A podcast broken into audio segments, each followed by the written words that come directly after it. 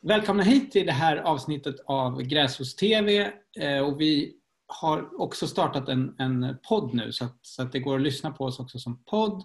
Eh, så vi finns ju dels som video, så finns vi på, på Facebook och Youtube eller så finns vi som gräsrotsradio som finns på Anchor och eh, på Spotify bland annat.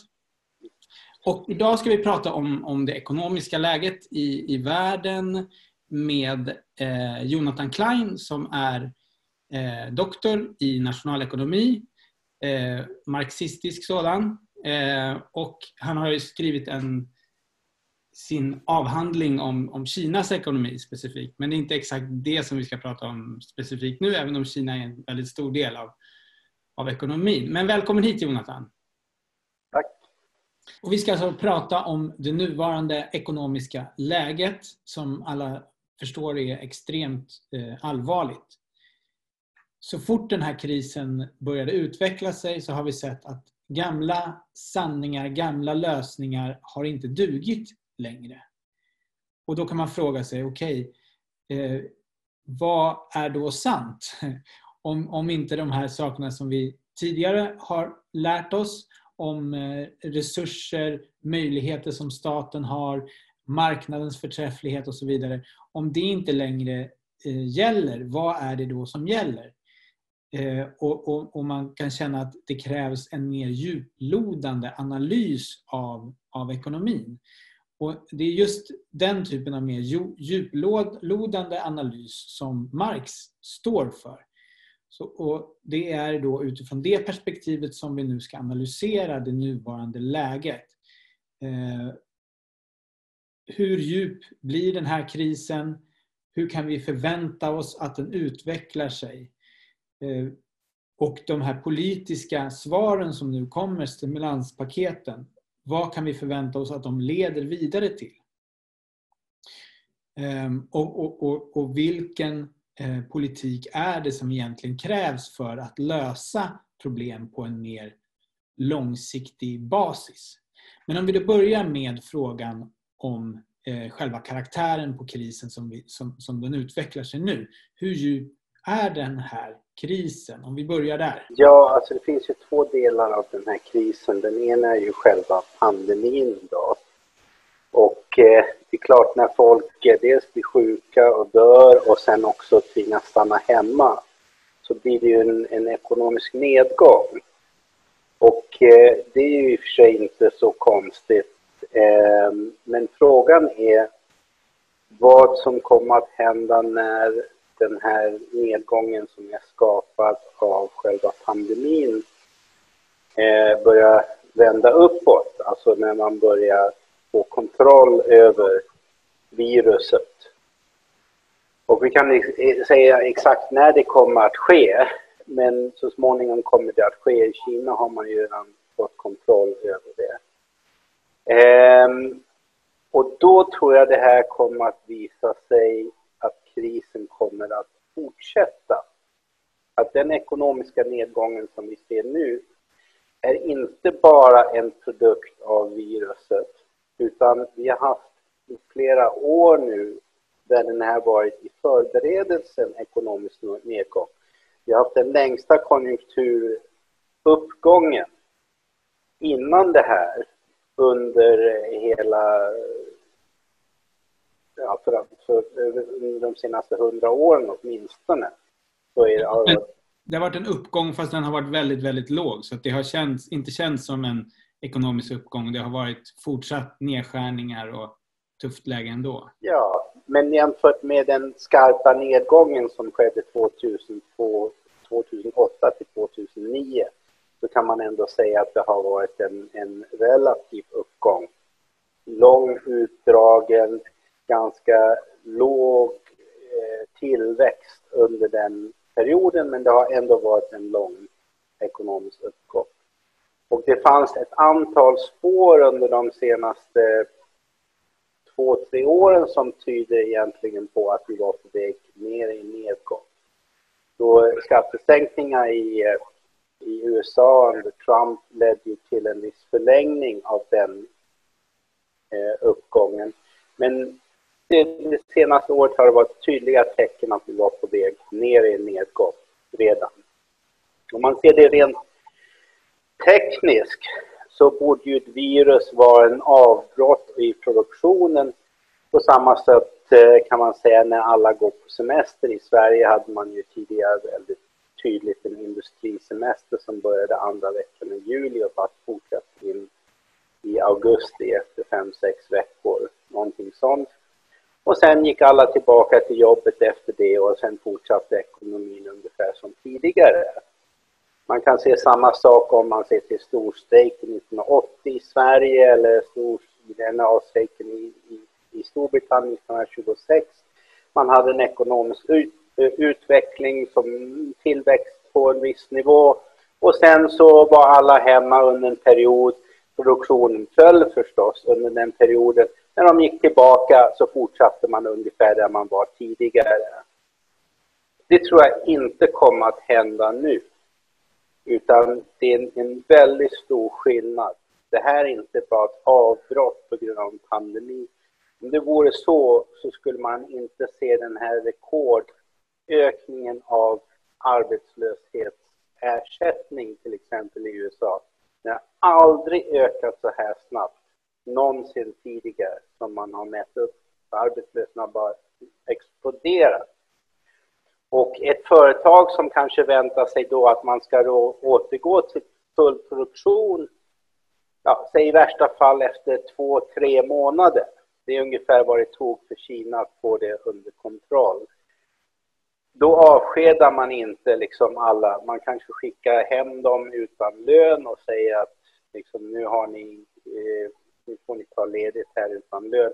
Men man avskedar inte en massa folk utan man försöker hänga kvar med åtminstone de mest väsentliga under den perioden för att sen vara redo att omedelbart starta upp produktionen igen när det här har passerat. Utan det som sker nu är liksom den här uppdämdheten av att man är på väg in i en lågkonjunktur och den slår till och den leder till en drastisk ökning av arbetslösheten. Så det är det första. Och var nu det slutar, eh, det beror på då vilka åtgärder som olika regeringar gör.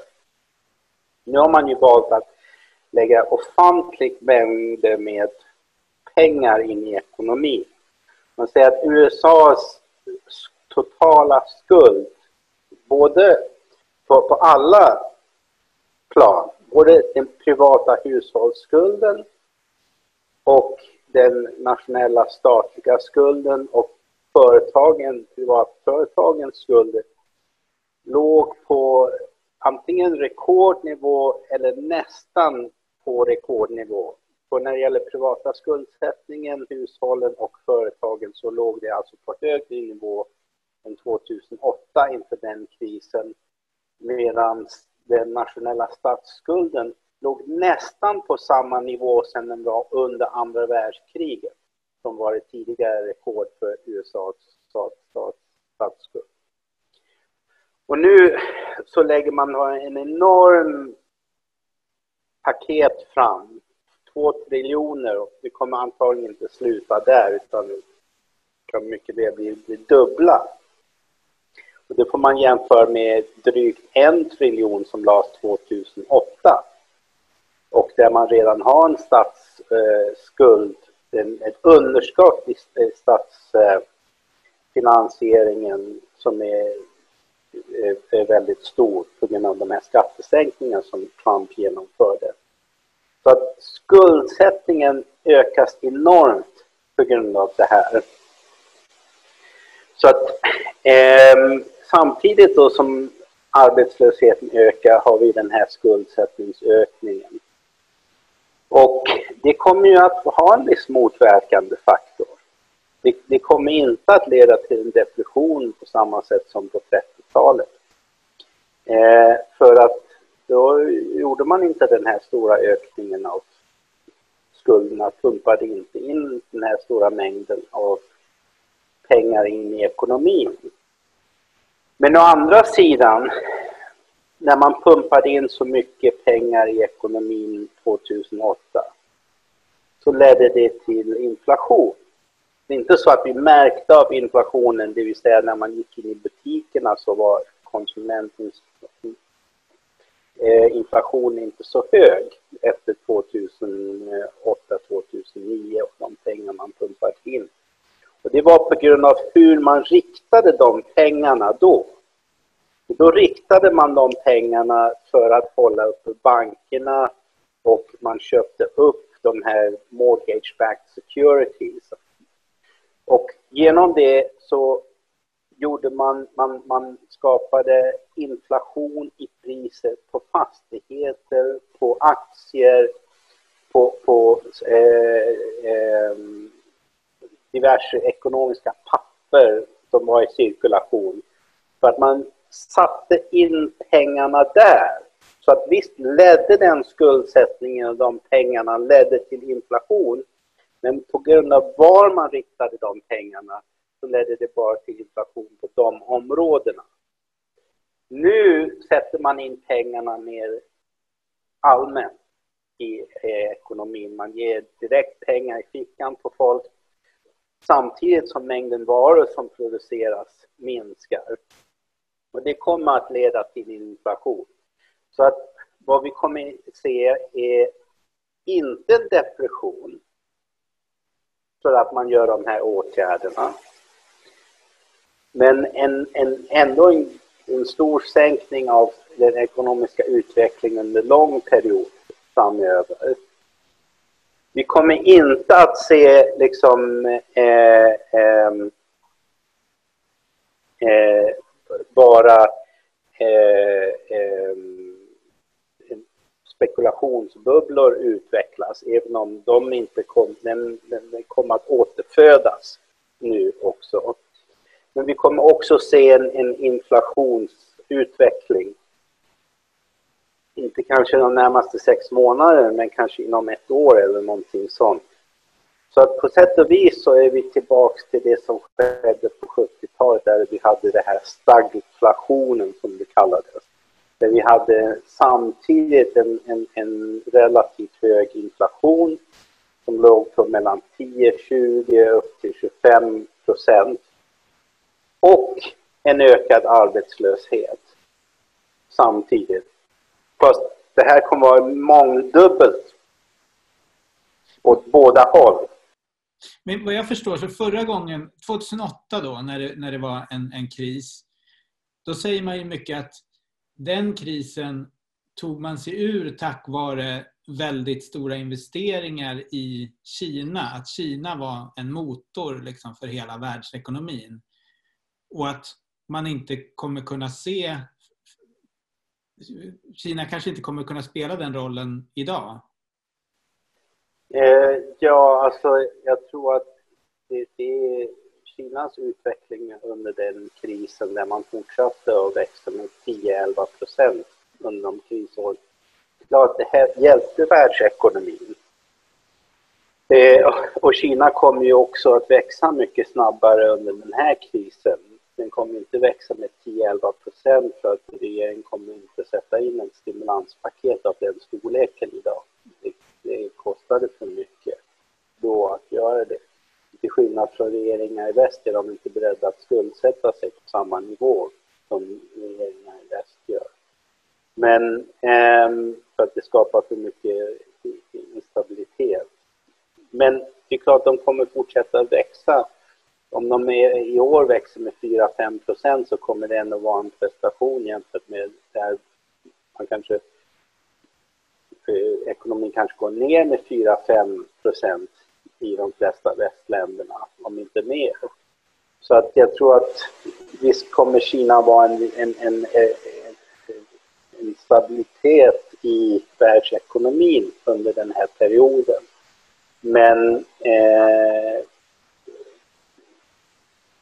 man kan inte överskatta draghjälpen, speciellt i en situation med alla de här handelshinder håller på att utvecklas. Det är största anledningen till depressionen på 30-talet var ju utveckling av alla handelshinder. Så att eh, det kommer ju vara någonting som dras ner i den här situationen. Men vad, vad händer med skuldsättningen nu då när, när, när alla länder sätter igång och eh, ja, spenderar en massa pengar? Vad kommer det innebära? Ja, det ökar ju förutsättningarna för inflation mycket och det innebär ju att man, eh, man riskerar ju fler finansiella sammanbrott i fortsättningen. Alltså USA har ju haft fördelen hittills att man har haft världsvalutan och, så att man har kunnat ha en skuldsättningsnivå som få andra länder skulle ha råd med att ha under så pass lång tid för att de har fått, fått eh, kapital att flytta in i landet ändå. Och eh, vi får väl se hur lång tid det fortsätter. Jag tror det, det kommer inte vara något omedelbart stopp för det. Men förr eller senare så kan den inte fortsätta att spela den rollen när den inte har den ekonomiska makten och produktionskapaciteten som motsvarar att ha den rollen i världen. Och då kommer hela situationen att förändras i grunden, det tror jag inte är det, det mest omedelbara perspektivet. Jag funderar på just det här, alltså, det, det är ju, framstår ju som lite märkligt när vi har gått igenom en period så många år när politiker har sagt att det saknas pengar. Och vi, vi, vi kan inte låna, det är då skuld, den som är skuldsatt i skuld är inte fri och hela det där. Och sen helt plötsligt så bara vips så finns det en, en väldig massa pengar. Och då funderar man på aha, vad, har, vad har hänt här egentligen? Är det, var det inte sant det de sa innan eller vad, vad är det som var, var kommer alla de här pengarna ifrån som helt plötsligt finns? Ja, alltså det är ju inte riktiga pengar. Det är det ju inte. Det är ju, det är ju man, man, man eh, skuldbelägger de framtida generationerna genom att eh, låna ut så mycket pengar och det kommer att ha konsekvenser för ekonomin framöver.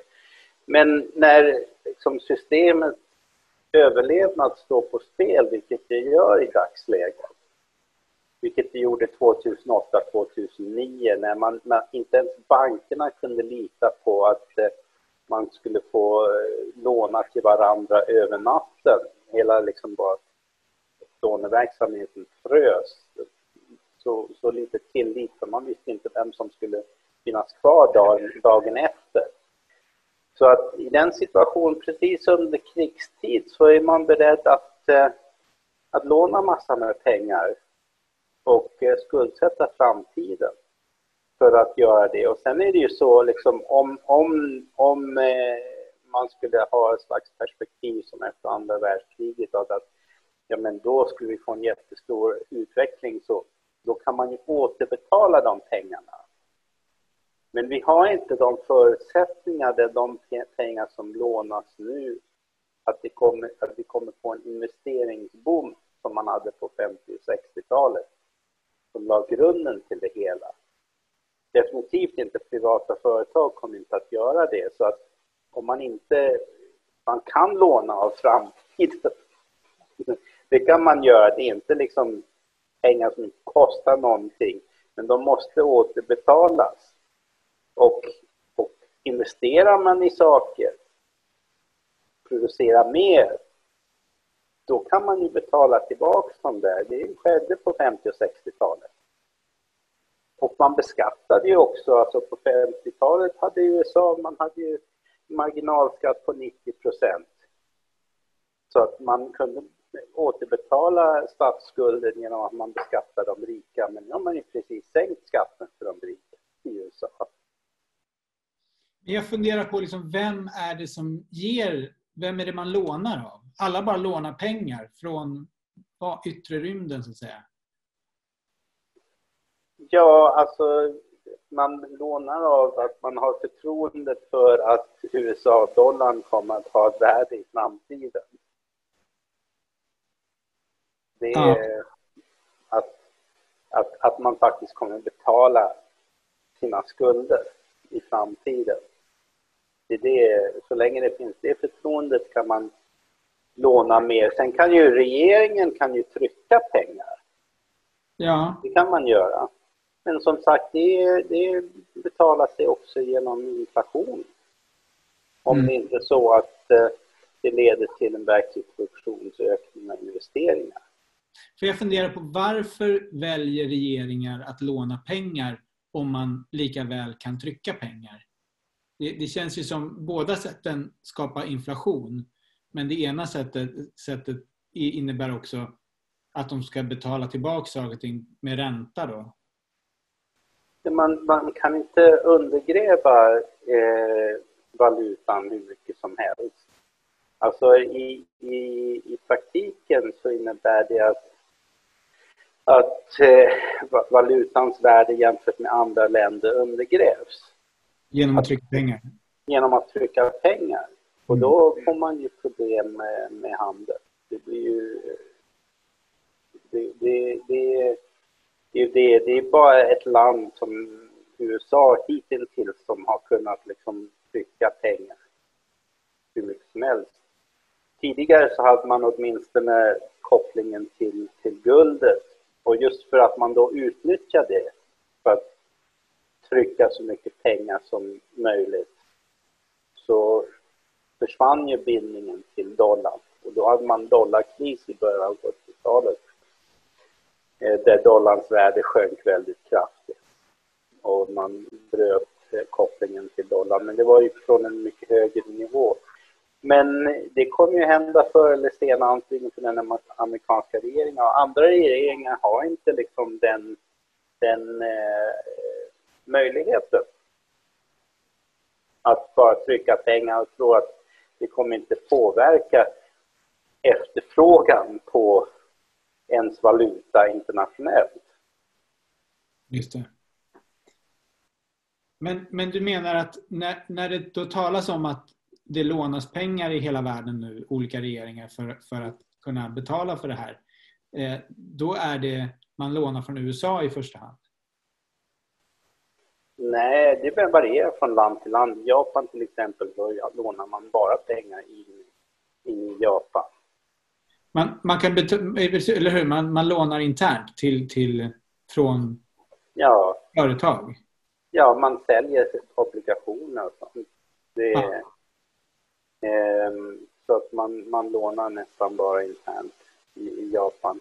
USA eh, lånar ju mycket utomlands.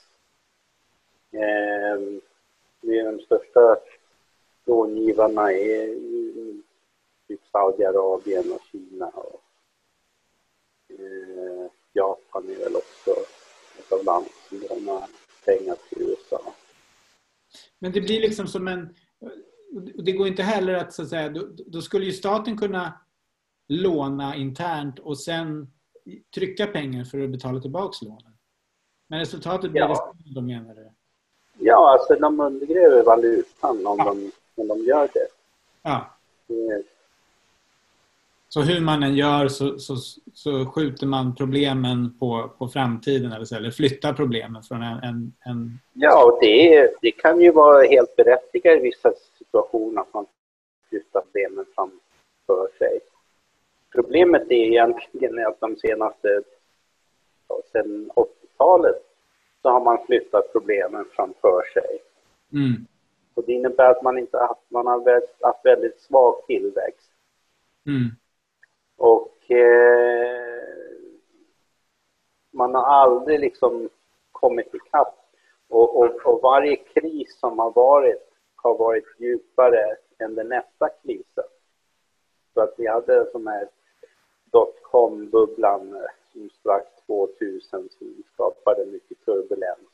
Sen hade vi krisen 2008 som var betydligt djupare och nu har vi en ny kris som blir ännu djupare än så, som blir svårare. Man måste skuldsätta sig ännu mer. Varje gång måste man skuldsätta sig mer eller trycka mer pengar eller någonting som man kommer, det det är svårt någonsin att komma ikapp. på- så, så länge inte, in, inte investeringar sker och det gör det inte. Men, men du menade att Kina var försiktigare med att ta lån, eller? Skuldsätta sig?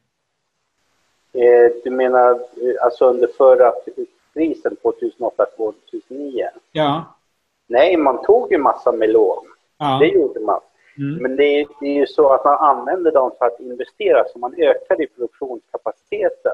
Mm. Problemet är att om man tar massa lån för att hålla aktiekurserna uppe. Mm. Det är det ja. som har hänt. Man har hållit fastighetspris och aktiekurser uppe genom att ta massa lån eller att sänka räntan eller kombination av båda två. Men du menar att Kina har, haft, Kina har kunnat betala tillbaks lån eh, sedan 2008, 2009? Då? Ja, så låne, det, det, lånenivån har, har sjunkit. Man har ja. tagit kontroll också över det här som kallas, kallas shadow banking. Som inte är riktigt eh, reglerad. Men man har pressat tillbaks den till samma procent som det var i 2003. Skulden? Ja, skuld, shadow banking. Som, Vad är det?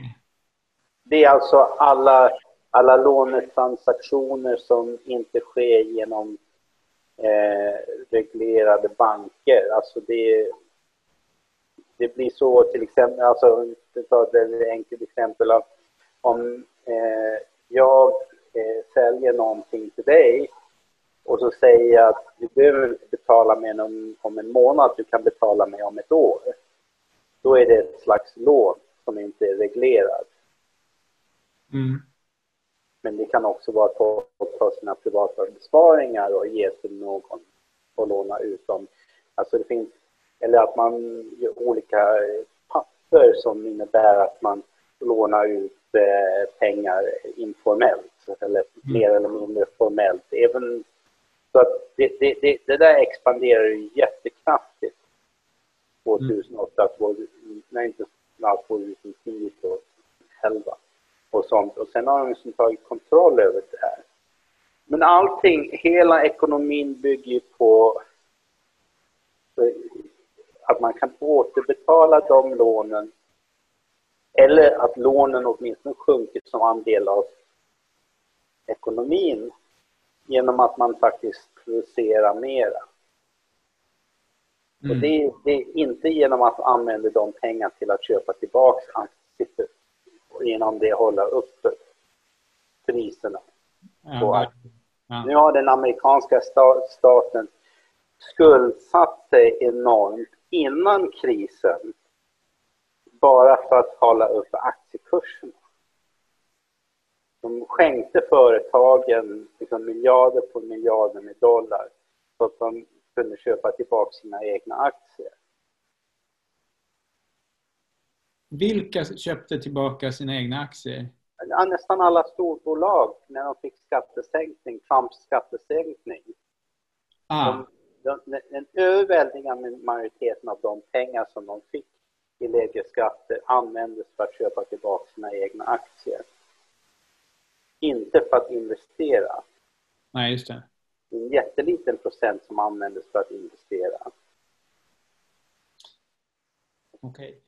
Men jag menar, för, för, det, är ju, det är just den här, jag bara är inne på det här med Kina för att jag precis lyssnade på en podd där de pratade om det här med Kina och just det här att eh, Kina skuldsatte sig jättemycket 2008 och liksom var någon slags motor för hela världen. Och då skulle de potentiellt ligga väldigt illa till nu för de har redan skuldsatt sig. Men du menar på att så är inte fallet utan de har betalat tillbaka på de här skulderna och det är inte Kina som är de som ligger mest illa till här och som riskerar att dra ner hela världen så att säga. Men skuldsättningen är ju inte... Alltså, skuldsättningen är ju fortsatt hög i Kina. Och det är ja. därför man kommer inte att göra samma stimulanspaket. Men den skuldsättning som man gjorde innebar ju att Kina också investerade väldigt mycket. Så att man, man stärkte sig samtidigt. Även om, om skuldsättningen har, gick ju bara ner under de senaste två, tre åren så sjönk skuldsättningsnivån. Eh, och innan dess hade det fortsatt att öka, men de senaste två, tre åren så har det sjunkit. Och, det, det, och man anser att den inte hade sjunkit tillräckligt och därför är man inte beredd att gå in med ett jättestort stimulanspaket nu. Ja, jag förstår. Så att istället för att liksom pumpa upp tillväxten igen till 10 procent så kanske de nöjer sig med en tillväxt på 4-5 procent.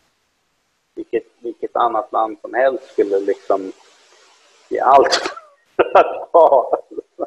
Mm.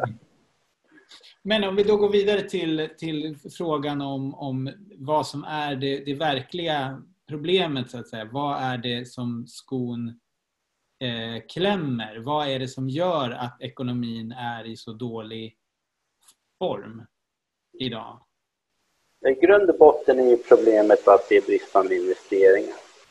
Alltså de ligger på jättelåg nivå jämfört med vad de har legat åtminstone sedan andra världskriget.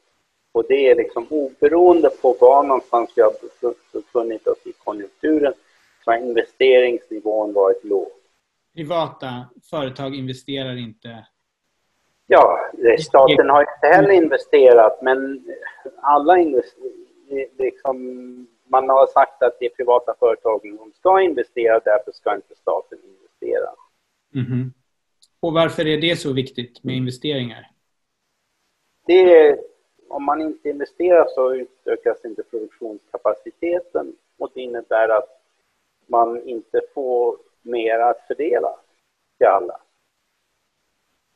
Det, man får, även om man inte vill öka produktionskapaciteten för att bara producera mer och mer och mer och mer. Vi kanske inte behöver ha så mycket mer av en, en hel del produkter. Men vi behöver nya produkter. Vi behöver gröna produkter, grön teknologi och så vidare. Och det får man inte om man inte investerar i det. Och det handlar ju om att, att kunna jag säga, producera eh, lika mycket fast med mindre arbete nedlagt. Ja, exakt. Det är det centrala. Aktivitet som, som ja. ökar. Och ja. där, det är ju liksom en, en mer marxistisk analys av vad som är grundbulten i en ekonomi. Andra mm. nationalekonomiska teorier handlar ju mer om utbytet, att det är där som det viktiga är, eller hur? Att det är liksom marknaden och det utbyte allting handlar om. Mm. Um, Men det är produktionen som är det väsentliga. Och, och eh, vill vi ha solpaneler så att istället för att betala, vad det nu 200 000 för solpaneler för tillräcklig el för en vanlig villa eller någonting sånt för att täcka det. Och, och istället för att vi vill att det ska kosta 20 000 så att ha dem, då måste det till investeringar. Ja, och vad, och vad är det som gör att, att investeringarna inte kommer då? Det är för att vinstnivån i investeringar är för låg. Och det i sin tur det beror på att eh, den ekonomiska politiken man har fört de senaste 40 åren är att man har hela tiden bromsat konjunkturnedgångar. Normalt sett det som händer i en konjunkturnedgång är att företag slås ut, som Mark kallade the laggards, alltså hur ska man säga det på svenska? Eh, alltså de svagare... Eftersläntrarna, ja. Eftersläntrarna. Eftersläntrarna slås ut. Och det innebär att de framgångsrika företagen får en större marknad och eh, det innebär de eftersläntrarna som har en låg vinstnivå försvinner, den allmänna vinstnivån höjs. Och, eh, och det är ju en smärtsam process. Kapitalismen är en smärtsam process. Och då har man då inte låtit den processen ske under de senaste 40 åren utan man har istället då till exempel sänkt räntan under krisen. Pumpat in pengar på olika sätt. Och det innebär att de här eftersläntrarna har kunnat leva kvar på grund av att de är, har blivit beroende av låga räntor. Om räntorna skulle öka så skulle de slås ut. Och det innebär att den allmänna vinstnivån har sjunkit för alla. Det här är statistiskt konstaterat. Det är liksom beräkningar som har aldrig fått den här utrensningen. Nu är vi liksom fram i den nivån att, att utrensningen, den som behövs, är så drastisk att man, man inte kan tänka sig det, att det liksom, man skulle hamna typ i en depression som på 30-talet om man skulle rensa ut alla eftersläntrare. Ett annat uttryck man använder nu är ju zombieföretag. Just det. Varken lever eller dör, men de liksom får där billiga räntan för att på något sätt finnas kvar ändå. Det skulle bli sån massiv utslagning. Man bara, nu är liksom räntan nere i 0% eller minus i de flesta länderna. Att, att eh, om man skulle höja räntan till bara 2% eller någonting sånt, det skulle liksom massivt utslagning av företag och en, en djupt nedgående spiral. Och liksom det, det, det, det, det, det, det, det, det vore det är klart det vore inte bra för alla, men ur kapitalismens synvinkel, är det, kapitalisternas synvinkel är det inte heller bra. Så att man använder sig hellre av de här olika åtgärderna för att släta över det hela, men man löser aldrig grundproblemet. Mm. Det, vilket är att återställa vinstnivån så att regeringen tar fart igen. I Kina har man ju inte det problemet eftersom man har så, så stor statligt delplanerad ekonomi. Så att, dels så planerar man då nedläggningar över en längre period så att man återställer vinsterna på ett planerat sätt. Inte huller om buller, i en konjunkturnedgång, men man säger liksom under fem år, tio år, så ska vi lägga ner så och så många stålverk Eh, de mest eh, smutsiga, eh, de mest oeffektiva stålverk samtidigt som man bygger nya stålverk. Så att man på ett planerat sätt får till de här eftersläntrarna slås ut eller läggs ner. Samtidigt som man då kan satsa på att bygga nya för att staten bestämmer att det ska byggas nya, de mest avancerade. Det man gjorde under krisen 2000-2000 2008-2009 så gjorde man så. Men det, det, funkar ju inte om man inte har någon slags planekonomi.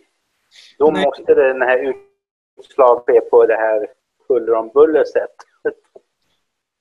Och det hänger ihop med eh, då att, att ja, en kapitalistisk ekonomi bygger på eh, privat ägande och privata vinster och just att det är en, en stor risk för ett företag att att investera. Eh, de, de vill ju hellre casha in pengar bara på, på leva på det, det man redan har. Eh, och, och, i sista hand vill man riskera pengar på eh, forskning och, och, utveckling och, och, och ja, expansion och sådär för att det finns alltid en risk att de där pengarna blir pengar i sjön som man inte får tillbaks sen.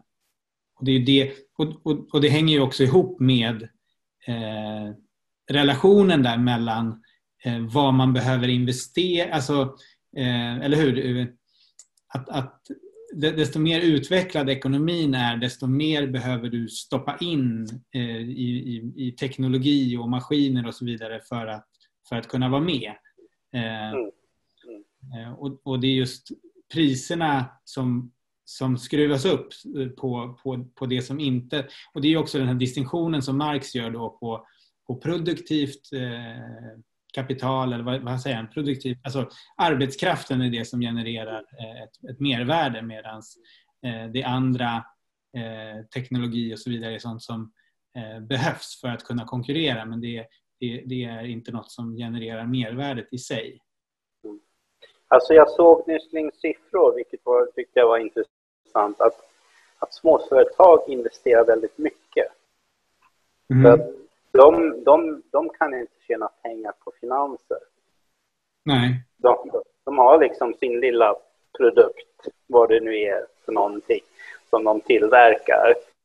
Och eh, det enda sättet för dem att, att klara sig och, och, och, och få högre marknadsandelar, det är att investera en stor del av sina vinster. Det gör de också, smörföretag småföretag som liksom, det är riktig konkurrens där. De, eh, de får inga stora handouts från regeringen eller räddas i kriser eller någonting sånt. De måste göra det.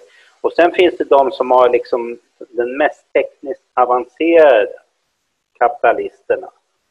Storföretagen som har den mest avancerade tekniken, de tjänar ju också stora pengar på investeringar. Om man ser till eh, Google eller Apple eller någonting sånt som liksom ligger i den tekniska förfronten. De har ju det här eh, superprofit som Marx uttryckte det. Alltså de tjänar ju mer än genomsnittsvärdet. Småföretagen tjänar ju mindre än genomsnittsvärdet, äh, genomsnittsvinsterna. Därför måste de investera. De tekniskt avancerade storbolagen tjänar mer än genomsnittet.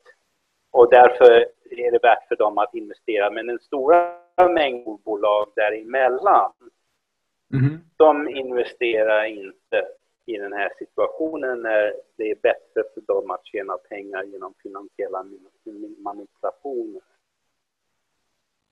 Och för den, där som det behövs liksom en stor upprensning. Just det. Och det, det, det, det, det är det som eh, de inte kan göra idag för att nu behövs det så pass stor upprensning att det i sig skulle framskalla katastrof. Mm. Så att då fortsätter man istället liksom att ge dem mera pengar för att de kan köpa mer aktier och hålla aktiekurserna uppe än eh, att eh, se till att en hel del av dem var utslagna. Mm. Men, jag, men jag tänker på de svar som kommer nu, eh, alltså de här krispaketen, det är så svårt att hålla ordning på. Det är så mycket pengar som det handlar om. Och, och det är liksom olika, eh, ja, olika insatser. Eh, men, men jag tänker, i vilken utsträckning är det här bara eh, alltså att stater agerar helt eh, eh, ja, de gör vad de kan eller det, det de måste. Och, och, i vilken utsträckning kan man se det som någonting politiskt? För jag tänker att det har skett en förändring inom högern eh, där den har skiftat bort från de här nyliberala lösningarna på saker och ting mot eh, ett liksom nykonservativt håll där då Boris Johnson och, och eh, Trump är en annan typ av, av höger eh, som, som inte eh, ja, som, som är i, i opposition mot eh, det här nyliberala och man pratar inte om, om privatiseringar och, och, och eh, nedskärningar på samma sätt och man är kanske beredd att spendera i större utsträckning. Men jag tänker, eh, det som händer nu, behöver det också ses i ljuset av den liksom, politiska skiftet som har skett? Ja, alltså det hör ju ihop egentligen. Alltså ny, nyliberalismen som ideologi dog ju 2008. Alltså de bilder man såg på TV då, hur liksom alla de här som var som gudar eller åtminstone halvgudar, företagsledare och, och mm. de var i chocktillstånd för de kunde inte tro att det här skulle kunna hända. Yeah. Men det hände. Mm. Och, men egentligen liksom de åtgärder som de tog, vilket var ja, med vissa undantag som förstatligande av några företag, General Motors och, och sånt. Det var ju i huvudsak var det ju fortsatta på de här monetära politiken som de förespråkade tidigare. Okej, regeringen gick in och förstatligade några för, stora företag under en kort period. För att annars hade de kollapsat. Men egentligen att, att, att jobba med monetär politik var inte så stor skillnad från nyliberalismen. Vad är monetär politik för någonting? Ja, att man sänker räntan och trycker pengar i princip. Eh, I den situationen. Men nu, nu är ju räntan nere på noll. Man har, man har uttömt monetära politiken. Så då blir det på, på något sätt, alltså det, det, det, det, går inte att göra mer. Man kan inte göra, alltså okej, okay, man kan göra de här unconventional quantitative easing och, och så vidare. Men det, det är också, det, det, så tydligt, det kommer inte att räcka till. Så då faller man tillbaka på eh, att, att staten ska gå in och, och skapa eh, Staten ska gå in med, med även öka underskottet i statsbudgeten och låna pengar och trycka ännu mer ta pengar för att staten ska också ge till pengar till individer i samhället för att upprätthålla fråga, äh, efterfrågan. Men det löser ingenting. Det löser ingenting av den grundläggande problematiken. Nu, nu tar man liksom det som har varit en stor del av vänsterns program tidigare. Det är ju vänstern som tidigare argumenterat, ekonomer som Galbraith och sånt som argumenterar att ja, men staten de kan bara låna hur mycket som helst och de kan bara pumpa in hur mycket som helst och, och så vidare. Eh, eller trycka hur mycket pengar som helst. Nu, nu använder man ju sig av de åtgärderna, men det löser ingenting av den grundläggande problemet. Vi kommer inte att återställa vinsterna. Eh, du ser någon slags risk för eh, en, en sån väldigt centraliserad eh, kapitalism med, med väldigt stor statlig inblandning som, som blir, eh, som blir liksom aggressiv och, och, och ja, protektionistisk och som, och som, som ja, kan leda till konflikter i världen och sådär. Ja, det ser vi ju nu. Alltså, jag tycker det är väldigt tydligt med hur Trump agerar och, och, och, och Brexit och nu, nu så Ja, Tyskland anklagar USA för modern day piracy för att de tvingar någon sjukvårdsutrustning, masker tror jag, som skulle ha gått till Tyskland. Så tvingar de dem till, eh, till USA istället. Eh, samma sak har hänt med Frankrike, de har tvingat Alltså det kommer rapporter hela tiden på regeringar som stoppa handeln i sjukvårdsutrustning och eh, tvinga den till sina egna länder. Så att alla börjar bli desperata här. Ah. Jo, men vi ser ju ett totalt sammanbrott, tänker jag, av EU och, och, den här idén om samarbete när det, det varje land får klara sig själv. Och, och i Sverige har ju problem med att det är sjukvårdsutrustning och sådär som är fast i Frankrike. Det går inte att komma in eller ut genom Frankrike så att säga. Eller det går inte att komma, få in grejer i Frankrike men man får inte få ut dem sen på andra sidan så att säga. Nej, precis. Ja. Tyskland har ju infört förbud på eh, export av sjukvårdsutrustning. Ja. Ja. Men, men okej, okay, så vad är, vad är då alternativet till detta? Hur, hur borde Eh, regeringen agera för att lösa det här och verkligen på riktigt få igång investeringarna? Vad, vad är det de behöver göra? Ja, de behöver äga storföretagen. Och så måste de planera investeringar och pusha investeringar i eh, rätt riktning. Och se till att investeringar blir gjorda. Och genom det skapa eh, ökad produktion och inte öka lånen. Det är, enkelt, det är ett helt enkelt ett nytt ekonomiskt system som inte fungerar efter den, där inte den kapitalistiska logiken dominerar utan där det är behov och, och liksom demokratiska beslut som är det som styr den huvudsakliga inriktningen i ekonomin. Ja, alltså det är ju ett nytt system i och med att saker inom ramen fungerar annorlunda ihop. Men i grund och botten är det ju att använda det som finns redan. Vi har ju stora centraliserade bolag som har var för sig en stor planering och sånt. Så att det, det, det, är inte liksom som att vi raserar allting och så bygger vi upp allting på nytt igen och då har vi ett nytt system. Utan egentligen är det inte så stora justeringar i det som finns. Utan det, det gäller bara att ta ett ganska litet steg i att, att ta över några, de största företagen och börja planera deras verksamhet gemensamt. Ja, men jag, jag tänker att vi, vi, får, vi får avrunda här. Nu har vi hållit på att prata ja. ett tag. Ja. Så att, eh, det var superintressant. Och så kan vi kanske återkomma och prata mer en annan gång. Okej. Okay. Ja, det var kul. Ja. Och tack till er som har lyssnat på den här podden eller tittat på den här videon.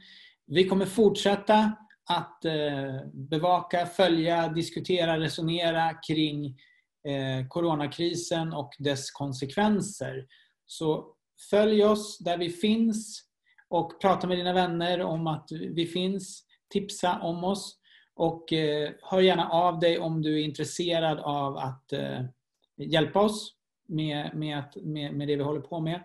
Eh, och man får också hemskt gärna kommentera. På Facebook kan man gå in och kommentera det här klippet eller diskutera med oss vidare. Tack så mycket. Vi ses!